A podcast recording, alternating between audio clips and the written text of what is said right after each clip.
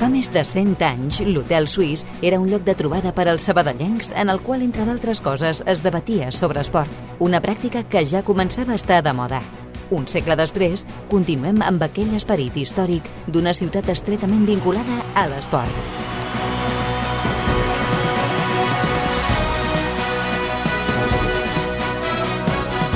Hotel Suís, amb Pau Vituri.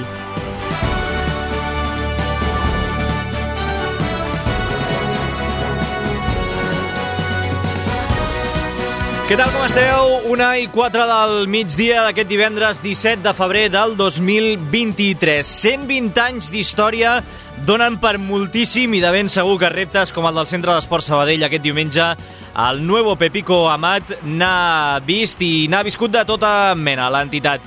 Sense treure'ns del cap aquest desplaçament dels més complicats que li queden aquesta temporada a l'equip de Miqui Lledó, al camp del líder del grup, Avui és un dia de commemoració i també de començar a celebrar aquesta efemèride que viu el club en el 2023, el fet de complir aquests 120 anys d'història.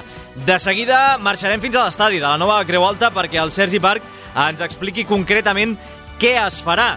Però a les xarxes socials ja hem pogut tenir un tastet, veure el logotip, per exemple, també part del programa i què voleu que us digui? Se'ns fa la boca aigua. Ja em permetreu, a l'espera del que ens expliqui, insistim, el Sergi Parc des de l'estadi, que posi el focus en l'acte especial del mes de maig i aquesta presentació de la pàgina web que ha creat la Comissió de Memòria Històrica per recollir aquests 120 anys d'història del club. Gent que desinteressadament porta anys treballant en aquest projecte. Benvinguts a un hotel suís molt especial, com diem, per presentar aquests 120 anys eh, d'història als actes d'aquesta celebració de l'efemèride del Centre d'Esport Sabadell. Portes obertes de l'hotel suís. Avui és divendres 17 de febrer. Tot l'esport de la ciutat, d'una a dues a l'hotel suís de Ràdio Sabadell. Acabem la setmana un cop més amb el Toni González de les vies de so. Què passa fora de l'hotel en un minut? Sorpresa majúscula a la Copa del Rei de bàsquet. El Barcelona ha quedat eliminat als quarts de final després de caure a la pròrroga contra l'Unicaja per 87 a 89. Els malaguenys es veuran les cares de semifinals amb el Real Madrid, que va patir de valent també per eliminar d'un 86 a 85 al València Bàsquet. Avui, a dos quarts de set, Canàries Gran Canària i a dos quarts de deu, l'anfitrió Joventut davant el Bascònia per tancar aquestes eliminatòries eliminatòries de quarts de final de la Copa. A l'Europa League de futbol, empat a dos entre el Barcelona i el Manchester United en el partit d'anada de la prèvia dels vuitens de final. Els Blaugrana es van avançar per mitjà de Marcos Alonso. Els Red Devils van capgirar ràpidament el marcador amb els gols de Rashford i Koundé en pròpia i Rafinha va situar el definitiu 2 a 2. Xavi, per cert, perdrà Gavi per sanció i Pedri per lesió a la tornada a Old Trafford. El Sevilla, per la seva part, va golejar 3 a 0 al PSV. I avui sobre la 22a jornada a les 9 de primera divisió a Montilivi amb un Girona Almeria i Ernesto Valverde ha renovat amb l'Atlètic Club fins al 2024. La resta del sumari és aquest. Comenta la recepció. A banda de marxar a la nova Creu Alta per repassar els actes del 120 aniversari del Centre d'Esports, hem de completar la prèvia de l'Eldense Sabadell amb el tècnic de l'Eldense, en Fer Estevez, i també les estadístiques. Sabrem què van fer ahir Can Rull i el Club Natació Sabadell de Futbol Sala. Tindrem un bloc extens de waterpolo amb la Copa de la Reina que arrenca a dos quarts de tres. El premi també a millor waterpolista europea del 2022 per Judit Forca i el partit d'avui de l'Astralpool masculí a Belgrat. I acabarem amb handbol l'actualitat de la primera ref. Avui ens fixem en el Real Murcia, que ha presentat la tercera equipació d'aquesta mateixa temporada, tota blanca, l'anomenen White Sun, i amb motius daurats, un acte que també va servir ahir per presentar l'Enrique Roca els tres fitxatges d'hivern, Toril, Romera i Alfonso. Han parlat en les últimes hores... Carles Duran, el tècnic de la penya, abans d'aquesta estrena d'avui a la Copa. Bascònia ha demostrat aquesta temporada que és un equip molt sòlid. Jo crec que nosaltres també i a més tenim un, una base de jugadors de, de molts anys. Per tant, bueno, jo crec que els dos equips estem 50-50. la notícia curiosa. La llegim al web d'Esport 3. Un seguidor d'Estudiantes de La Plata estatua un QR per entrar al camp sense carnet. Lucas Salvatore es diu l'aficionat i té gran part del cos tatuat amb motius relacionats amb el club. El codi li servirà ara per tota la vida, ja que el carnet està associat al document d'identitat. Quan li han preguntat el per què, ha dit simplement que era més pràctic, doncs això, mostrar el canell. De quin partit no estarem pendents? De l'Arda Hartzali Lokomotiv Plovdiv de la Lliga de Bulgària. Arrenca a dos quarts de sis de la tarda. I a les xarxes socials. La jove promesa sabadellenca Merem Gabriel, que se'n va als Estats Units. Així ho ha anunciat ella mateixa en una publicació compartida amb la Universitat de Boston. L'atleta signa pels Terriers, destacant en aquest 2022 els seus títols sub-18 a Espanya dels 3.000 metres a l'aire lliure i també en pista coberta. Avui celebra el seu aniversari. L'exarlequinat Diego Caballo, ara a Sydney, i també ens posem d'en peus per felicitar el dia del seu 90è aniversari al president de la Joventut Atlètica Sabadell, Pep Molins. Hotel Suís, de dilluns a divendres, a Ràdio Sabadell. You know I'm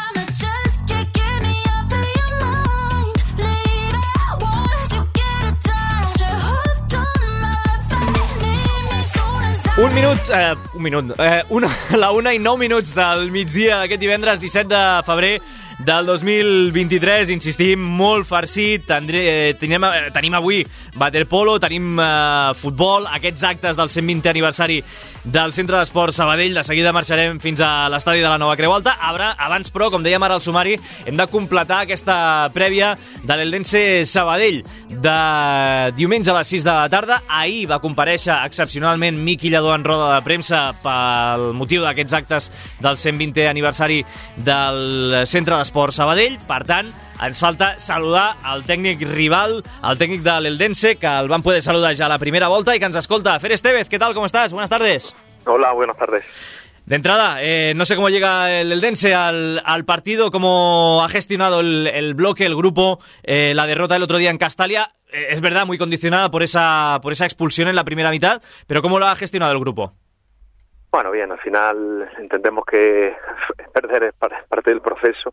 Afortunadamente, pues hemos ganado bastante hasta el, hasta el momento y bueno, eh, siempre cuando tiene un poquito más se gestiona, creo un poquito mejor la derrota. En cualquier caso, toda derrota escuece y bueno, yo creo que ya analizando y cerrando el partido la semana anterior, eh, desde el miércoles ya estamos pensando única y exclusivamente en Sabadell, bueno, y tratar de aprender de, de esas cosas que quizás no hicimos también en el último partido. No sé si eso sirve también como, como gasolina, ¿no? Para, el- para el jugador, de, pensando en este, en este partido de domingo. Bueno, siempre que siempre que te pasa algo, eh, eh, siempre que tiene adversidades, siempre te focaliza más en el error y creo que, que eleva, eleva un poquito más el nivel atencional y puede utilizarse como motivación. En cualquier caso, bueno, yo creo que, que Sabal también, en este caso hablando del equipo contrario, venía en una dinámica también muy positiva que, que se truncó pues inmerecidamente contra el Numancia y bueno, supongo que ellos estarán en una tesitura parecida. Así que en ese sentido llegamos los dos equipos creo igual de motivados. Lo hemos ido comentando, Fer, esta semana aquí en, en Radio Sabadell, estas eh, bajas eh, que, tenéis para el partido de domingo, como son eh, Alex Martínez, el lateral izquierdo, y el delantero Mario Soberón. Lo hemos ido comentando pues con, con Carlos Hernández, por ejemplo, también con, con gente de, Elda, periodistas de, Elda. Pero en, boca del entrenador, de, Fer Estevez, ¿qué supone para el Eldense perder a Alex y a, Mario este domingo? A ver, son dos jugadores importantes para nosotros, no, no, no lo vamos a negar, pero yo no soy de lamentarme ni de buscar excusas. Es decir, al final, eh, yo siempre de, de- si tengo una virtud, creo que el, el adaptarme, si transmitimos un mensaje, creo al equipo que hay que adaptarse y no poner excusas, y en ese sentido, bueno, la alternativa está claro en el lateral izquierdo es Rubén, que creo que cuando ha competido el chaval lo ha hecho bien, y al final tenemos otros tres delanteros que son de buen nivel y que seguramente eh, también para ellos una oportunidad de reivindicarse ante, en este caso, la ausencia de Mario Soberón. En ese sentido, bueno, eh, no, no pienso en lo que no tengo, sino pienso en utilizar bien o de manera adecuada lo que tengo. Em, recuerdo, Fer, que la, la primera vuelta cuando te llamamos, eh, claro, evidentemente el Sabadell tenía otro entrenador, tenía a Gabri, y nos comentabas que, que era un equipo muy reconocible, este Sabadell, que seguramente no iba a variar mucho su comportamiento. Quizás este equipo ahora también es eh, reconocible, ¿no? El Sabadell de Miquillado, pero está un poco en las antípodas, ¿no? De lo que era el, el Sabadell de Gabri.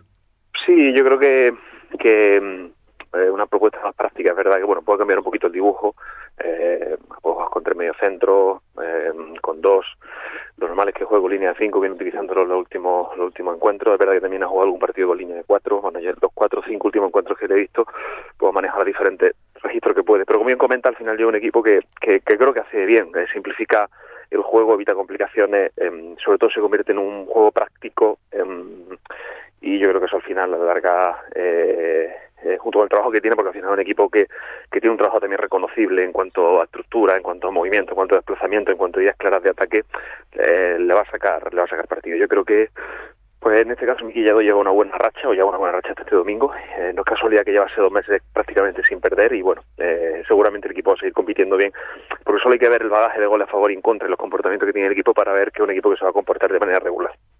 Decías antes por eso, eh, Fer, también que la derrota ante Numancia fue inmerecida. Eh, entiendo que, has analizado a fondo este, este partido. Eh, ¿Qué te pareció entonces eh, el, el Sabadell en este último encuentro? Bueno, creo que le costó sobre todo la primera parte encontrar esa dinámica de juego, la, la conseguir ventaja. Aún así, ellos tienen un par de ocasiones claras antes de que el Numancia, uno de los pocos acercamientos que tuvo, pues consiguiera esa acción de gol. Y luego sí que es verdad bueno, que, en la segunda parte acumularon un mayor eh, volumen, volumen de ocasiones.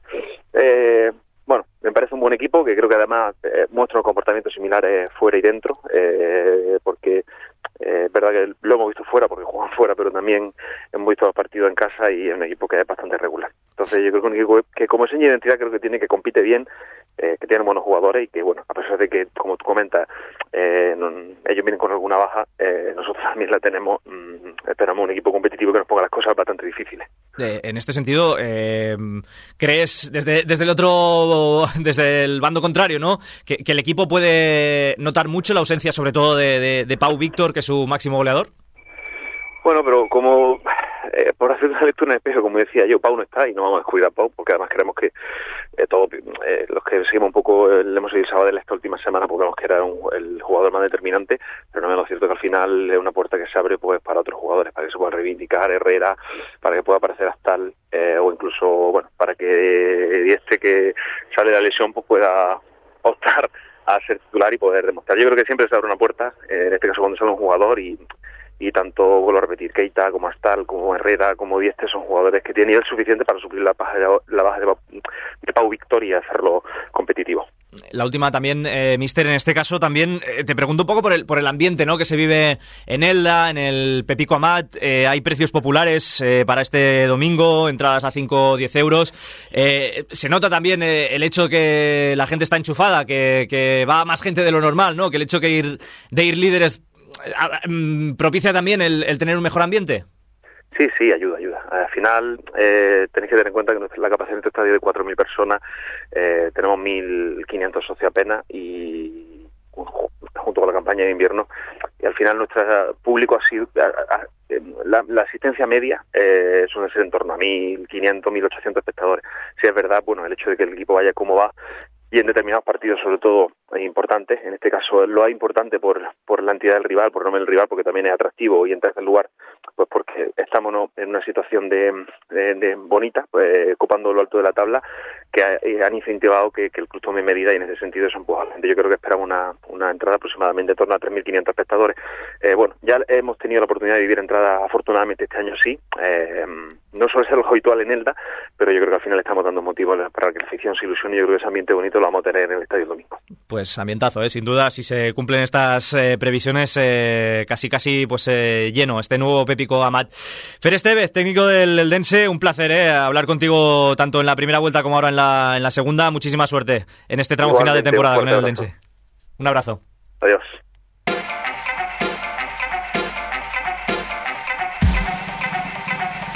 El llibre de registre.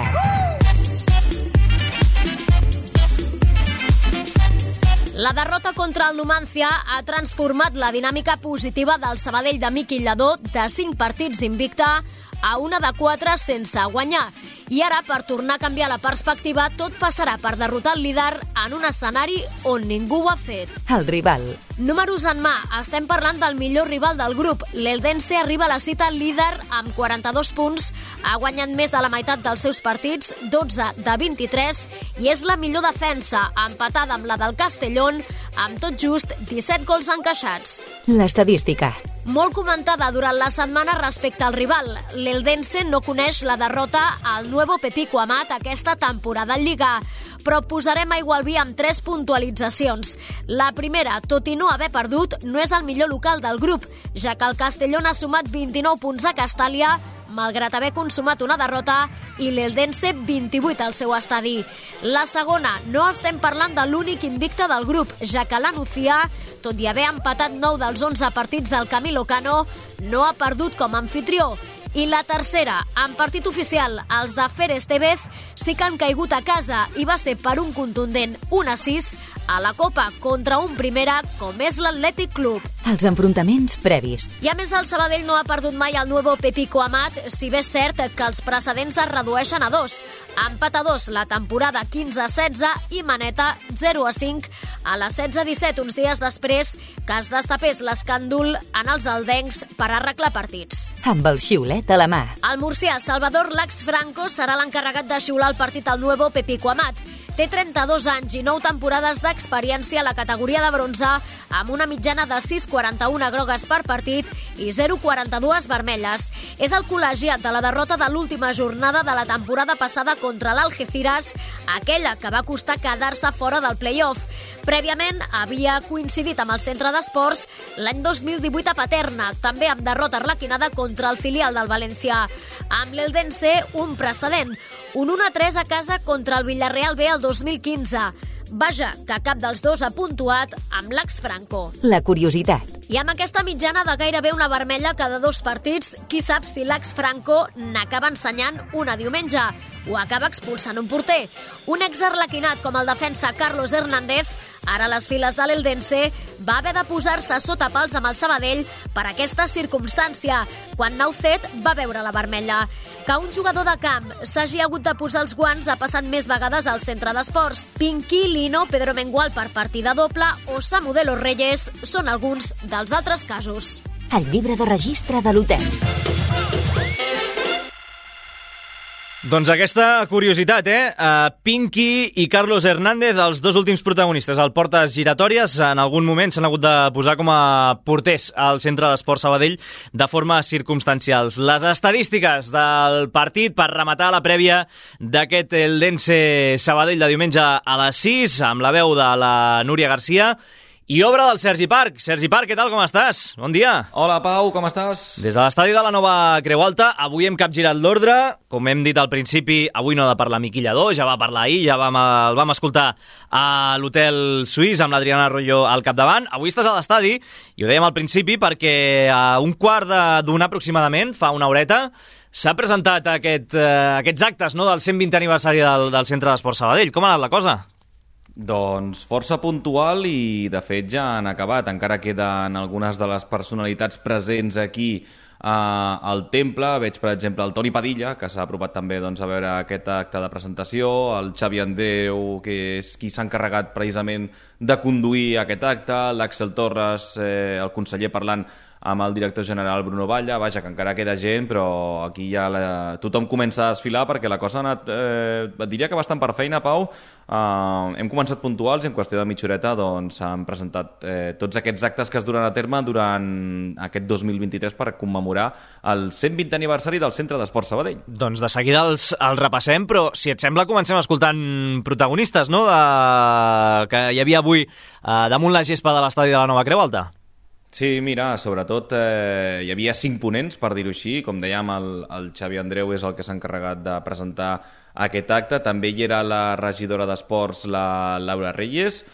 També el president del Centre d'Esports Sabadell, Esteve Calzada, l'escoltem, dient que per història és evident que aquest club, que el Sabadell, eh, està més que consolidat al futbol professional i més aviat a primera divisió. Ara ja fa temps que no ho tasta, però el club, evidentment, eh, sí que havia estat durant força anys a, a la màxima categoria del futbol estatal i que això és el que busquen, que encara que el Sabadell estigui ara a primera federació, l'objectiu és que per història tornar al Sabadell on li correspon. Sempre parlem de que volem consolidar el club al futbol professional, on no hi ha cap dubte que està consolidat al nivell del futbol professional en la seva història. No? I això sabem que tenim un club que per història li correspon estar no, no només a segona divisió, sinó a primera divisió. i, i això jo ho he tingut claríssim des del moment que van venir i ens van plantejar un projecte en aquest club. Ho vam fer evidentment per la seva història. Si ho haguéssim hagut de fer per la situació que tenia el club en aquell moment mai ho hauríem fet Doncs eh, 14 temporades, eh? concretament ha estat al Centre d'Esport Sabadell a primera divisió. Eh, no m'havies dit, Sergi Parca, musiqueta i tota aquesta presentació. Et pots creure que estan allà sobre la gespa de Nova Creu Alta jo pràcticament ni l'escoltava i ara quan estava escoltant el tall dic ai mira si estava sonant musiqueta, sí, sí, sí, sí. Uh, bé, doncs amb aquesta musiqueta suposo que també escoltarem el següent fragment, que no serà Imagino. de... Sí, sí, sí, que no serà d'Esteve Calzada, sinó un altre dels, dels ponents, que ha sigut el conseller Axel Torres, um, que abans de que comencessin a parlar totes aquestes personalitats s'ha posat un vídeo recordant alguns dels millors moments de la història del club i Axel Torres el que ha fet també ha estat recordar-los una mica i dient que el que s'ha de fer és explicar-los a la gent per intentar enganxar a, al màxim de persones possibles a, al club, seguir fent créixer la massa social i esperar que d'aquí a uns anys, quan es facin actes del, per exemple, del 200 aniversari del club, que es puguin explicar més fites com les que s'han anat posant a, en aquest vídeo. Bruges, la final de Copa contra el Sevilla, les 14 temporades a primera divisió, victòries contra el Barça, victòries contra el Madrid... Eh, De tot això se n'ha de parlar. De tot això n'hem de parlar durant aquest any. Ha de sortir eh, perquè hem de captar més gent, perquè el present és important, perquè d'aquí 100 anys, quan es faci l'acte dels 220, o d'aquí 80, quan es faci l'acte dels 200, tinguem capítols nous, capítols que estiguin a l'alçada dels capítols que estem rememorant en el dia d'avui. Doncs eh, Axel Torres, eh, referint-se a aquests eh, moments més especials de, de la història del, del club, que han recollit en un, en un vídeo. Eh, evidentment no hi ha imatges de, de, de tot, però, però bé, eh, pell de gallina, eh, recordant en els últims anys èxits eh, recents. Eh, no podien fa, faltar, per exemple, els ascensos de, de Marbella, la salvació d'Olot, també doncs, Ipurua, la Copa de, de la Reina del Centre d'Esport Sabadell femení d'ara fa 20 anys, però també, per exemple, l'últim partit a la, a la vella Creu Alta. Um, a tot això, Sergi, una altra de les novetats... De fet, el, el Sergi Garcés ahir ja feia un, un petit eh, spoiler, una petita pinzellada. Ha estat a la presentació del, del logotip commemoratiu d'aquest 120 aniversari del Sabadell. Sí, i de fet eh, ja llueix, doncs, per exemple, aquí en el marcador de la nova Creu Alta, també justa preferència en, en el centre, ja, ja es podrà comprovar en el pròxim partit eh, aquí a l'estadi. Um, com diu, s'ha presentat aquest logotip que l'ha creat un soci, un, un jove arlequinat que es diu Pau Quintana, Uh, vaja, uh, intentaré explicar-ho radiofònicament, tot i que ara escoltarem el fragment del, del Pau Quintana que ho explicarà millor, però vaja, que, no, que és el, el número 120, uh, amb el 2 uh, en un nivell una mica més superior, per dir-ho així, i el 0, que no està del tot complet. Eh, més aviat eh, diria que està a mitges, però representant uh, la simbologia arlequinada uh, que ha volgut destacar el Pau Quintana i també ha explicat doncs, el, el per què ha escollit aquest disseny. No he durat un, un to antic perquè crec que, crec que el to antic ja el té el 120 aniversari i la data de 1903 i 2023, o sigui, el, visualment, eh, inconscientment ja, ja tens aquest, aquest to antic, eh, llavors s'ha creat doncs, algú, algú compacte, algú fàcil, fàcil, fàcil d'aplicar i, i senzill, i llavors sí que és veritat que per donar un toc distintiu a aquest 120 aniversari doncs eh, s'ha volgut crear en el, en el zero hi ha una petita, al final algú distintiu, algú que fa distintiu, que eh, s'ha creat un, un arlequinat fent referència al final a algú molt, molt típic d'aquest club i, i algú que, que el distingeix. I després aquí el dubte que ens ha quedat aquí els que hem assistit a l'acte, Pau, és eh, que s'ha deixat eh, entreveure mitges eh, si aquest eh, logo eh, s'incrustarà a la samarreta de la temporada que ve.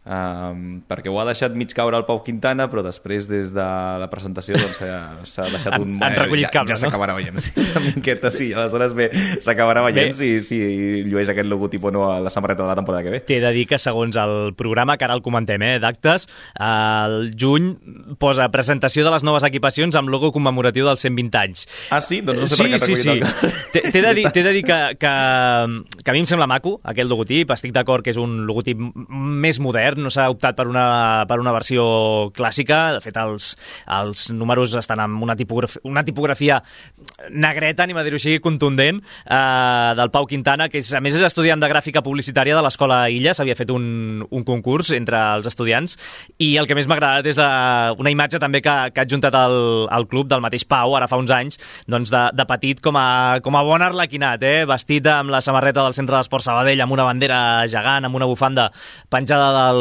del cap, per tant, eh, un arlequinat de, de socarrel, eh? que ha fet aquest eh, logotip i és el, el més important. Per tant, eh, el veurem força sovint, eh? aquest logotip, en les seves versions, perquè més hi ha una versió eh, daurada, no només la blanca i, i blava, també hi ha una daurada, per tant, a, a mi m'agrada aquest logotip del 120 aniversari. Um, I a tot això, Sergi, el més important, els, els actes no? d'aquest 120 aniversari que durar durant, doncs això, durant tot el 2023. Sí, ha tancat eh, aquest acte de presentació del, dels actes del 120 aniversari la vicepresidenta i responsable de l'àrea social, l'Anna Navés, que els ha anat eh, repassant així en línies generals què és el, el que es faria durant tot l'any. Um, per exemple, Pau apunta, uh, el dia que vingui el Barça Atlètic aquí a la Nova Creu Alta, el 25 de març, um, hi haurà castellers. Vindran aquí els, els saballuts a, a fer, vaja, a fer castells. Eh, si no m'equivoco, crec que la idea era fer-ho també, eh, no sé si abans del partit o durant el, el, el descans, eh, però, però Ho veurem, veurem, que, sí. Sí, ho veurem, ho veurem, però ja, ja es donaran més detalls de- d'aquesta qüestió. Um, o, per exemple, el mes de maig, uh, em sembla que ho deies a la presentació, perquè t'he pogut escoltar allò a mitges, eh, però es presentarà la web de memòria històrica del Centre d'Esport Sabadell, Sí. Que és una... No sé si ho has dit, eh, Pau? Al Sí, sí, principi, ho he, però... ho he dit al principi sí, no? perquè, perquè, a més, eh, em va tocar de ben a prop en el seu dia i, com deia al principi, eh, és gent desinteressada que ha dedicat moltíssimes hores, però moltíssimes hores a, a recopilar informació i dades del Centre d'Esports Sabadell i ja en el seu dia, i estic parlant de fa uns quants anys, doncs eh, ho estaven posant en comú en una, en una pàgina web que, que vaig poder veure en el seu dia doncs, a un petit tastet i em va semblar una enciclopèdia, una, una barbaritat, una, una joia que tindrà el Centre d'Esports Sabadell. I que a tu i a mi, Pau, que ens agrada el tema dels números Boh, i les estadístiques... t'explico, sí. Quan jo, de veritat, eh, i a més, ho dic sincerament, eh, jo tinc unes ganes de veure aquesta web que quan surti publicada, doncs ens haurem d'esperar uns tres mesos aproximadament perquè es presentarà al, al mes de maig. Al mes de juny, per exemple, ho ha dit eh, així la- l'Anna Navés, eh, que serà l'acte principal de- d'aquests actes del 120è aniversari, el sopar commemoratiu, un sopar que realitzarà aquí a la Nova Creu Alta, el dijous 1 de juny, concretament, i que vaja, reunirà doncs, eh, gent del club, patrocinadors, etc etc que es farà un, un gran sopar aquí al, al temple.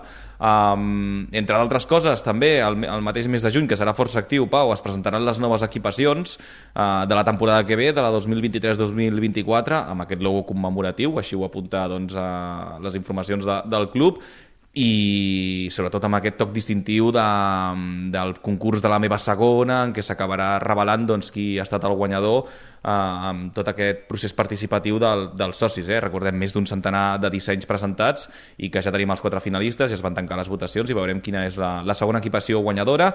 I aquí també una altra, una altra cosa que estem esperant, Pau, perquè l'Anna Navés no ha volgut revelar gaires més detalls i suposo que encara s'hauran de tancar coses, però eh, entre el juliol i agost es volen buscar rivals d'entitat. Sí que està tancat ja un partit de pretemporada entre els veterans contra el Barça, un partit de, de, de veterans dels dos equips, però també es vol buscar un rival de molta entitat de cara al, al primer equip, que podria ser perfectament el partit de presentació, o no, ho veurem, però, però sense voler allò i sense haver tancat res eh, en ferm, la idea és que aquest pròxim estiu vingui aquí un rival de, de molta entitat que s'enfronti contra el Centre d'Esport Sabadell eh, en un partit de pretemporada. Bé, doncs eh, estarem, estarem pendents. Eh, aquesta és l'agenda fins a l'estiu.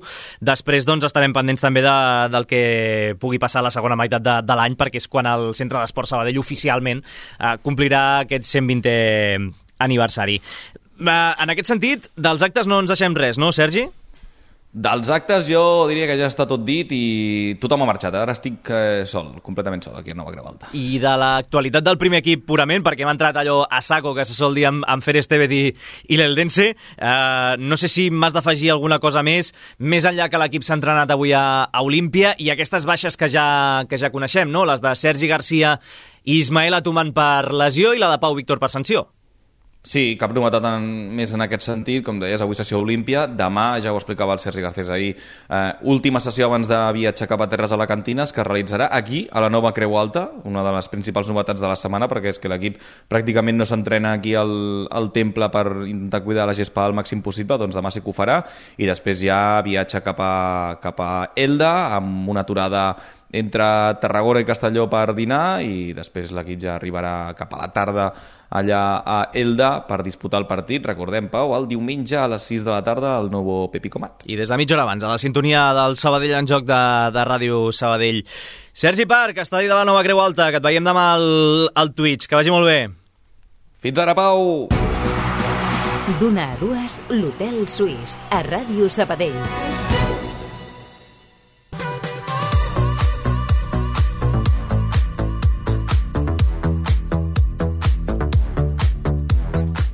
Que demà eh, us hem de, de refrescar la memòria, eh, que hi ha doble cita al canal de Twitch de, de Ràdio Sabadell amb aquests dos partits de, de l'OAR Gràcia, eh, tant el masculí com el femení, a partir de les 6, i amb el Sergi Parc al capdavant.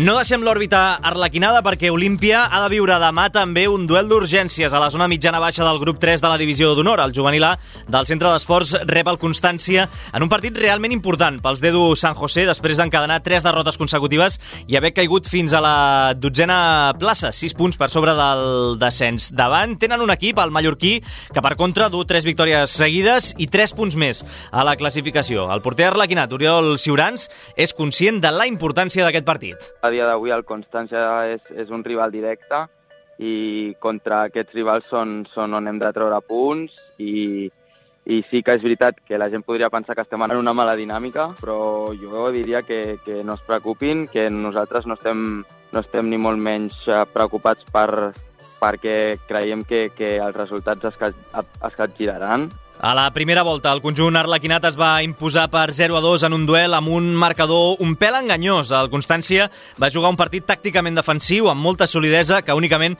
va ser trencada amb dos gols en els últims minuts de Xiaoque i de Nil Castells. Eh, Ciurans eh, recorda un rival molt ordenat i ben posicionat. Constància el recordava un equip molt organitzat. Eh, al final, els dos gols que vam marcar els vam marcar en els últims minuts i per la, per la seva solidesa defensiva. Al final vam tenir tot el partit la pilota i vam marcar el segon just després de marcar el primer en a, diria que va ser a 80, 80 llarg. O sigui que, que m'espero un partit on, on ells estiguin... mm, No sé si vindrà Nadal, potser estaran replegats, però, però mantenint aquesta, aquesta fortalesa defensiva Aquest Sabadell juvenil Constància juga aquest dissabte a dos quarts de cinc a Olímpia. Recordem, d'altra banda, que la Nacional Juvenil, així com les diferents lligues territorials, s'aturen aquest cap de setmana. Hotel Suís.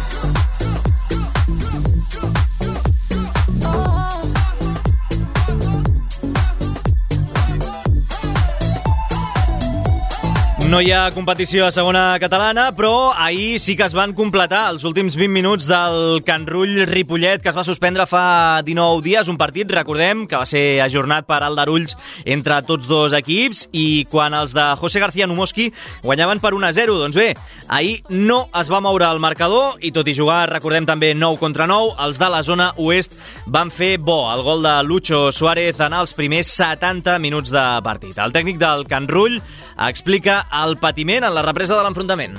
si no recuerdo mal, que en una ocasión creo clara en el último minuto, nosotros sí quedamos un palo y bueno, tocó correr, sabíamos que eran 20 minutos, que son 20 minutos, parece que no, se, se hicieron un poco eternos, pero bueno, la verdad que el equipo estuvo bien en, en todos los aspectos del campo, ganando duelos, muy bien, la verdad que contento. Amb aquesta victòria davant el quart classificat, el Can Rull, quan falten 3 jornades per finalitzar aquesta primera fase, se situa a un punt del Ripollet i a 3 del Tibidabo, que és l'últim equip, el tercer, que està en posicions per accedir a la fase d'ascens, però recordem també que els de Toni Sallés han jugat dos partits més que els seus rivals. Fem una aturada per la publicitat aquí a l'Hotel Suís de Ràdio Sabadell i quan tornem un bloc extens, molt extens de waterpolo perquè en qüestió d'una hora tenim Copa de la Reina, tenim també la millor waterpolista d'Europa el 2022 i avui juga Champions al masculí.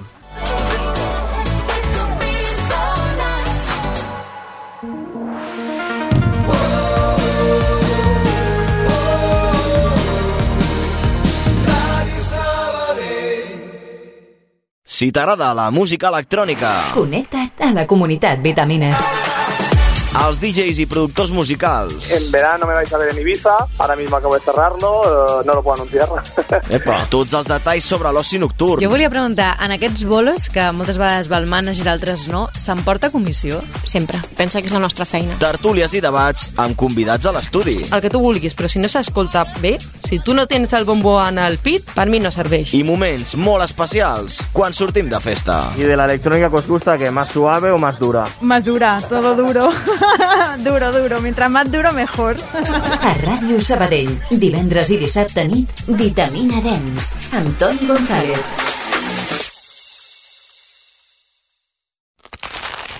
Ets un panarra. T'agrada el pa de debò, cruixent amb molla esponjosa i l'aroma de l'autèntic pa. A Valero també som uns apassionats del pa. Del pa de veritat, del de sempre, del que vam aprendre a fer fa més de 60 anys. Per això, elaborem les nostres especialitats com abans, respectant la tradició, perquè puguis tornar a gaudir del plaer de menjar pa. Perquè a Valero som forners. Som del Sabadell. Escolta cada cap de setmana les retransmissions del Centre d'Esports al Sabadell en joc. Les urgències han tornat al Sabadell. Després de quatre jornades sense guanyar, la victòria ja és una obligació. Però per això caldrà ser els primers en sorprendre el líder a casa seva. Aquest diumenge, des del nou Pepico Amat, Club Deportiu Eldense, Centre d'Esports Sabadell. Viu la transmi més arlequinada amb la narració del Sergi Garcés, els comentaris d'Adriana Arroyo i la direcció del Pau Vituri. Diumenge 19 de febrer, a dos quarts de sis de la tarda, Sabadell en joc. Club Deportiu Eldense, Centre d'Esports Sabadell, a Ràdio Sabadell. Sabadell en joc. Passió arlequinada. D'una a dues, l'Hotel Suís, a Ràdio Sabadell.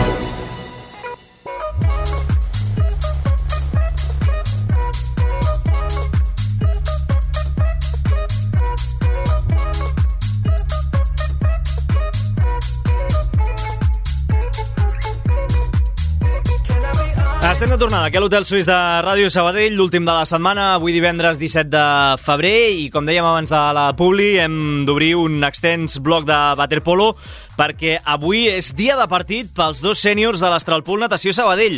El femení, de fet, eh, obre el foc de la Copa de la Reina d'aquí a 50 minuts, a dos quarts de tres, amb la primera eliminatòria de quarts de final contra el Tenerife Echeide. De seguida parlem a fons d'aquesta cita, però en certa manera ha quedat eclipsada en les últimes hores per la gran notícia d'ahir a la tarda i és el guardó que ha rebut la Judit Forca per part de l'Alen com a millor waterpolista europea del 2022. La sabadellenca i escarrana del club succeeixen el palmarès a una altra companya d'equip, com és la Bea Ortiz, si bé és cert que ella ho va ser eh, quan era jugadora del Terrassa la temporada passada, i se suma, això sí, altres waterpolistes del Natació Sabadell que van ser premiades en el seu dia, com ara, per exemple, Laura Ester per partida doble, 2017 i 2019, Maika Garcia el 2014, Jenny Pareja el 2013 o Ani Espar el 2012. Hem parlat amb les últimes hores amb la mateixa Judit Forca, d'entrada per saber com es va assabentar de la notícia i què significa per ella.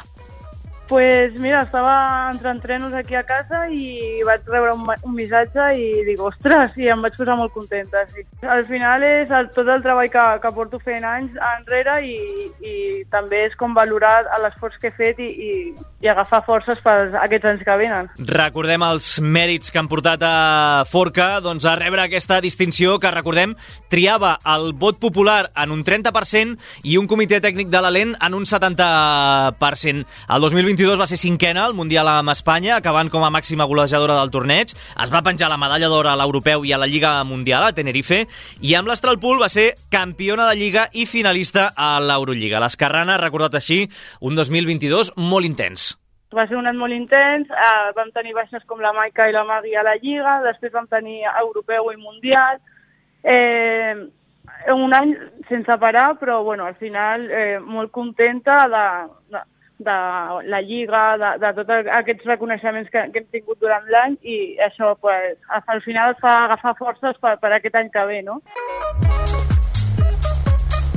I a tot això, com diem, la Copa de la Reina, que arrenca aproximadament això, en tres quarts d'hora amb el comptats. D'entrada, amb un partit assequible a dos quarts de tres contra el Tenerife Cheide, el sisè de la divisió d'honor. A semifinals, les de David Palma s'haurien de veure a les cares amb el guanyador del Mediterrani Catalunya de les 4, molt probablement les del barri de Sants. I a l'altra banda del quadre, recordem, Sant Andreu Mataró a dos quarts de sis i Terrassa Barceloneta a les 7. Per tant, tot encaminat, podríem dir-ho així, a tenir una nova final a Estralpul Mataró diumenge a les dues a Terrassa. Si això es compleix, es repetiria el guió de l'any passat en el mateix escenari, un final i una final de mal record per les de David Palma, que es van quedar únicament en quatre gols contra les mataronines. Ho ha recordat la mateixa Judith Forca.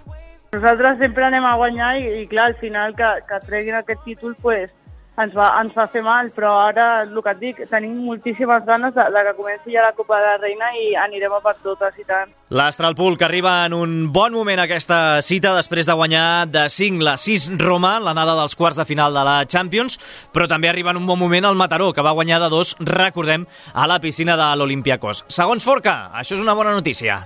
El waterpolo espanyol està en un molt, molt bon moment, ja, ja ho estem veient com eh, els partits de Lliga són molt igualats, eh, després amb la selecció també eh, estem eh, donant resultats, llavors, o sigui, que el waterpolo espanyol està molt amunt i, i hi ha molta rivalitat. Eh? Això vol dir que, bueno, que al final que, que una Copa de Reina Terrassa es pugui veure el, el millor waterpolo, pues, al final eh, és una cosa molt bona per al nostre esport i, i això, molt contenta i que, que arribi al millor a la final i que guanyi el millor i tant. El club, tant de bo que sigui el millor que regna en aquesta Copa de la Reina, amb 17 títols de les últimes, eh, de les 26 edicions, vaja, que s'han disputat, en les últimes 15, el Mataró, de fet, ha estat l'únic capaç de privar-li el trofeu en dues ocasions. L'any passat, en aquest precedent que recordàvem a Terrassa, i el 2016, en l'any del centenari, a casa. Don't forget my love.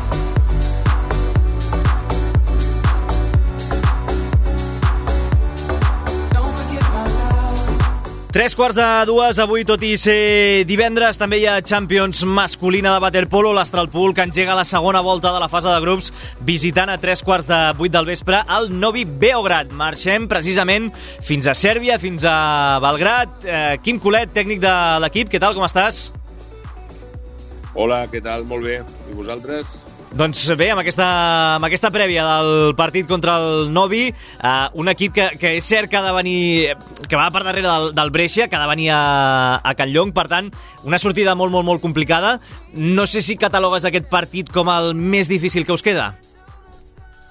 Eh, la veritat és que no el catalogo com el més o el menys difícil. Sabem que tots els, tots els partits doncs, eh, són, són complicats. Sí que és cert que ja ho sabem, que Novi Belgrat té una plantilla pues, de, eh, la més extensa, diguéssim, dels equips de, del grup, no?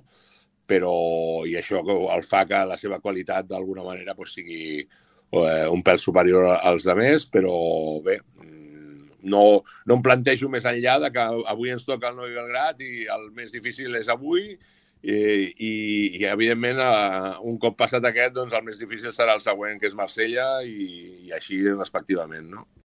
La Champions té, té aquest, aquesta curiositat eh, de, del calendari, aquesta circumstància, que es capgira l'ordre i que ara comenceu contra l'últim rival de la primera volta. Per tant, eh, et pregunto, no sé si serveix com a molta o poca referència aquest 6 a 8 de fa 10 dies a Can Llong. Eh, Sí, el que passa és que cada partit és una, és una història. Eh, nosaltres veníem d'una setmana, diguéssim, eh, molt, amb molta competició, després de la Copa, la Copa del Rei, i, i era bueno, una mica incògnita eh, el nivell que podíem donar després de de- d'haver jugat tres, tres dies seguits amb la final de Copa, el cop d'alguna manera eh, que va ser perdre-la, d'acord, eh, i, i la veritat és que vam competir molt bé. Aleshores, ara és una altra història, encara que només fa 10 dies, eh, és una altra història, i llavors va, hem de pensar sempre en, en positiu i, i, i afrontar-ho com un nou repte, eh, que sabem que és un, és un equip molt complicat, i que a més a més juguem a, a casa seva, no? I això doncs hi ha petits components que fan que encara la dificultat segurament sigui, sigui major, no? I després hi ha una altra circumstància també, Quim, que fins ara heu jugat tots els partits en, en dimecres. Uh, avui és divendres. D'entrada, mm, suposo que et permet tenir una mica més de marge. Uh, no havent-hi lliga aquest cap de setmana. Això trastoca una mica la, la planificació? No, la planificació d'alguna manera, doncs, eh, nosaltres tenim eh, setmanes eh, que les cataloguem de vermelles a nivell de planificació i tal, doncs, bueno, so, tots els de Champions, evidentment, són, són setmanes vermelles. Que, clar, si jugues dimarts o dimecres, bueno, sempre han jugat dimecres, ara passem ja aquesta segona volta a jugar els dimarts i, i dos caps de setmana que a nosaltres ens toca amb divendres, no? Doncs, eh, bueno, eh, la setmana que ve la tenim eh, neta, val? i és una setmana també que tenim catalogada com a vermella, evidentment, perquè juguem contra el, el CNB i, i això vol dir que, que, bueno, que sí que és cert que tindrem, eh, la, com et deia, la setmana neta per, per poder preparar el partit, doncs eh, bé, no, no saps mai si això és millor o si és pitjor, no ho saps mai. El que, el que està clar que és, eh, a nivell de planificació sí que eh, setmanes senceres d'alguna manera netes doncs ens dona la possibilitat de, d'entrenar i de poder pues, treballar una mica més de el que nosaltres en diem construcció una miqueta doncs, per, per poder afrontar doncs, tota la competició amb, a, amb el calendari com és. No? Uh -huh. Recordo també, Quim, que parlàvem el dia del Novi Beograd aquí a, a Can Llong i comentaves que l'objectiu de la segona volta de la Champions era millorar aquesta, aquest botí de 4 punts no, que heu aconseguit fins ara i que us han portat a la, a la penúltima plaça. Uh, passat aquest temps, no sé si mantens aquest punt de vista. Eh, Mira, eh, està, està clar que els punts són els que marquen al final la classificació, etc i, i el que et dona de dir pues, he guanyat eh, més partits, he empatat més partits, etc etc. no? Eh, Mira, el repte ha de ser el, el competir i veure si mm, hem millorat durant, durant aquesta, aquesta primera fase el suficient com per poder sumar més punts. Eh, però però a lo millor, no, no ho sé, vull dir, el calendari és, és, és eh, eh, no ho sé, vull dir, juguem uns partits a casa i ara amb, amb els que hem jugat a casa doncs juguem a fora. De, de, de, de fet, aquesta setmana neta en, en, enllaça amb, amb que dimarts, amb el dimarts següent després del CNB tenim Marsella, per tant és una setmana neta en què hem de preparar pràcticament dos partits, perquè sortint del partit de dissabte cada mes juguem a la tarda, ens plantem el dilluns a primera hora del matí viatjant i competint el dimarts, m'entens? Vull dir, bueno, és, és, és, un, és un seguit de que el diumenge probablement doncs, tindrem, que, tindrem que entrenar, bueno, encara que potser sigui un entrenador de recuperació, etc perquè si no, no, no, no ens don temps pràcticament de preparar el partit. Per tant, bueno, ja et dic, eh, no, no és tant els objectius dels punts, sinó d'intentar que, eh, si són capaços de competir tots els partits, doncs que eh, això ens dongui per poder guanyar X partits, no sé quants, no, no sé quants. Això automàticament serien punts, no?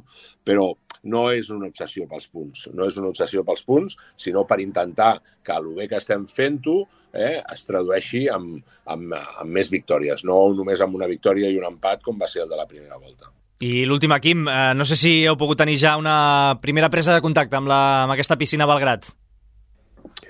Eh, bé, sí, sí. Ahir vam arribar, vam tenir un viatge que eh, ja una, un, un cop havem passat el control eh, vam tindre que canviar el pla de viatge per, perquè, bueno, no, no sé si, si us heu fet ressò de, de, de cancel·lacions de vols, que va haver-hi 230 i pico de vols cancel·lats de Lufthansa, llavors, eh, ja et dic, sobre la marxa vam tindre que canviar el pla de viatge i en comptes de, de, de volar amb Lufthansa vam, vam volar amb, amb Austrian i via Viena, en comptes de, de Múnich, i això ens va fer arribar un, un, una mica més tard a Belgrat, unes hores més tard, però al final va ser un, un a part de la matinada, eh, va ser un, un viatge tranquil, immediatament vam arribar, vam, vam amb temps de, de berenar i després sortir ja a fer un entreno, el d'ahir el d'ahir al vespre, i aquest matí, a, a les 10 del matí, ja hem tingut també un, una segona presa de contacte eh, i per acabar d'ajustar quatre coses, més que res també per, per sensacions pels jugadors, però sí que és cert que ahir vam compartir piscina amb el Novi Belgrat i, en canvi, doncs, bueno, avui estàvem sols i hem pogut ajustar o almenys va- parlar i, i fixar una miqueta eh, les situacions eh, amb inferioritat perquè, bueno, per intentar fer un, eh, el millor possible en el partit de la tarda. Ara ja, diguéssim que ja estem, com es diu, en capilla, no?, per, pel partit i ja eh, ens, ens queda eh, dinar, eh, descansar i ja eh, marxar cap al partit i, i esperem que, bueno, que, que el que sempre us demano i comento no, en els jugadors de, de que siguin competitius a, de, de principi a final i a veure què, a veure què passa. Doncs a veure què passa aquest eh, vespre a tres quarts de, de vuit. Quim Colet, tècnic de l'Astralpool, un plaer, com sempre, que vagi molt bé. Molt bé, moltes gràcies. L'Hotel Suís obre les portes a l'esport de Sabadell.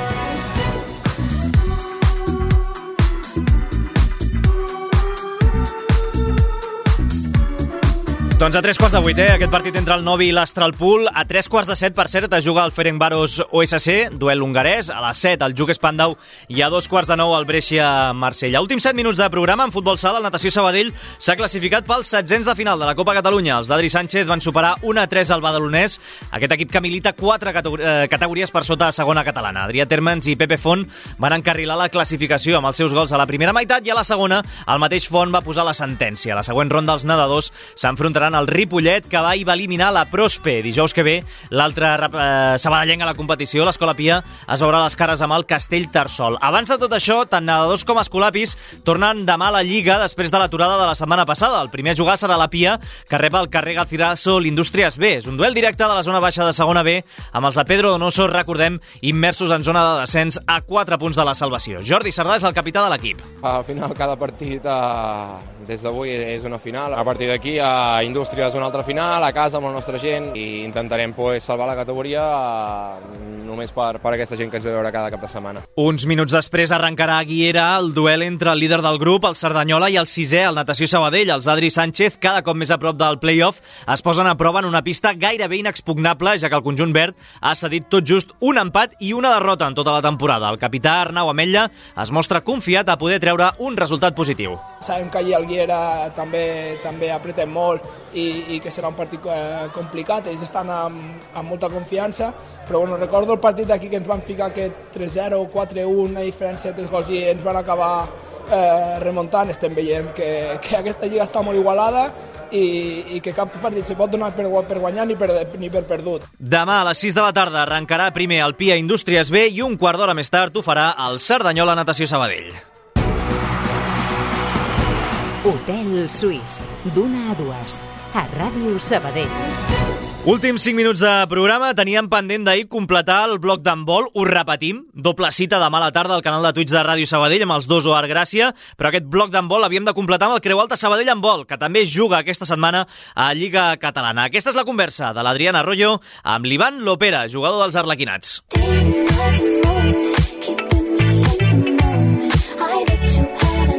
I el Creu Alta Sabadell en vol està lluitant per la permanència a la Lliga Catalana Masculina. Els arlequinats han perdut els primers dos partits de la segona fase i tenen la salvació a un punt de distància ara mateix. Diumenge, a tres quarts d'una, reben el Sant Martí Adrianenc B, que és un punt per sota. Els de Ramon Salmurri són sisens de 10 equips, amb la qual cosa necessiten redreçar el rumb. Ivan Lopera, autor de 7 gols en l'últim partit. Què tal, com estàs? Muy bien. He començat amb, amb el peu, eh, aquesta segona part de la temporada, amb aquestes dues derrotes. Sí, nos está costando mucho volver un poquito a, a la fase regular que estábamos llevando, al, al nivel que estábamos eh, jugando en la anterior fase. Pero bueno, esperamos que todo, todo cambie este, este fin de semana. Us queden vuit jornades d'aquesta fase de permanència. Com les afronteu? Bueno, el equipo sí que es verdad que, que estado de ánimo nos ha costado encajar estas dos derrotas consecutivas, pero bueno, tenemos la confianza del, del entrenador, también tenemos la confianza de, de los compañeros y creemos que depende de nosotros darle la vuelta a la situación. Sent una fase de, de permanència amb tot el que està en joc, la sensació que teniu a partir d'ara és que qualsevol partit serà una final? Exacto. Al final encaramos cada, cada partido del fin de semana como, como una final y nos intentaremos dejar todo, toda la carne en el, en el, en el asador. I com es pot preparar un, ni que sigui eh, fins i tot mentalment, per, per afrontar aquest punt de, de pressió, de saber que, que cada cop hi ha menys marge? Bueno, al final cada uno lo lleva de a su manera. Sí que es verdad pues que al final también notamos un poco la presión en el campo, pero la sensación que tenemos es que al final depende de nosotros, depende de al final ganamos o perdemos nosotros mismos los partidos. Seguimos generando muchas ocasiones, seguimos estando bien en defensa, nos está eh, penalizando mucho al final las acciones en, en ataque, pero, pero con, con mucha confianza, de verdad. El filial del Sant Martí Adrianenc el podeu deixar, si el guanyeu, 3 punts per sota, faltant-ne 14 pel final, que evidentment no seria despenjar-lo, però sí que és important anar deixant rivals per darrere, no? Sí, así es. Al final mm, nos, nos estamos jugando todo en esta fase de permanencia. Cualquier punto que te dejes eh, te puede llevar a, a bajar. Así que mm, cada partido va a ser una final. Com esperes que sigui aquest, per cert? Com, com esperes? Quin guió de partit esperes? Hombre, eh, por lo que hemos podido ver de ellos, es un equipo bastante joven, son también bastante rápidos. Creo que si conseguimos imponer nuestro ritmo de juego y imponer la, la velocidad y la rotación, creo que podemos ser superior. Pero como te comentaba, al final va a depender de cómo estemos de acertados, de, de cómo estemos nosotros. Así que mm, yo espero que este fin de semana y sobre todo en casa podamos llevarnos la victoria. Acabo, Ivan, no només per la classificació, sinó que mentalment el fet de, de veure frenada aquesta dinàmica negativa, de, de veure't fora del descens, suposo que això pot ser també un punt d'inflexió, no?, si guanyeu. Así es. Ahora mismo, después de, de estas dos eh, derrotas consecutivas, en conseguir dos puntos pueden ser un poquito de, de aire fresco al equipo. Mentalmente eh, puede ser un gran triunfo, la verdad. Doncs Ivan Lopera, jugador del Creu Alta Sabadell en vol, moltíssima sort aquesta setmana, aquest diumenge contra el Sant Martí Adrianenc B i per tot el que queda de fase de permanència. Una abraçada. Muchísimas gracias, que vaya bien.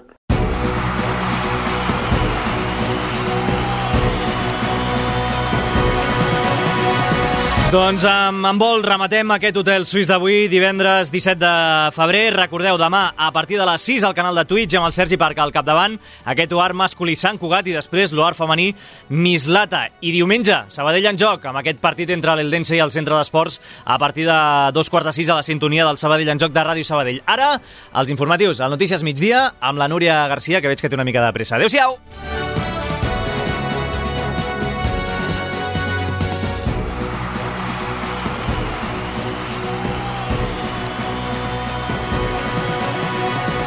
Tot l'esport de la ciutat, d'una a dues a l'Hotel Suís de Ràdio Sabadell.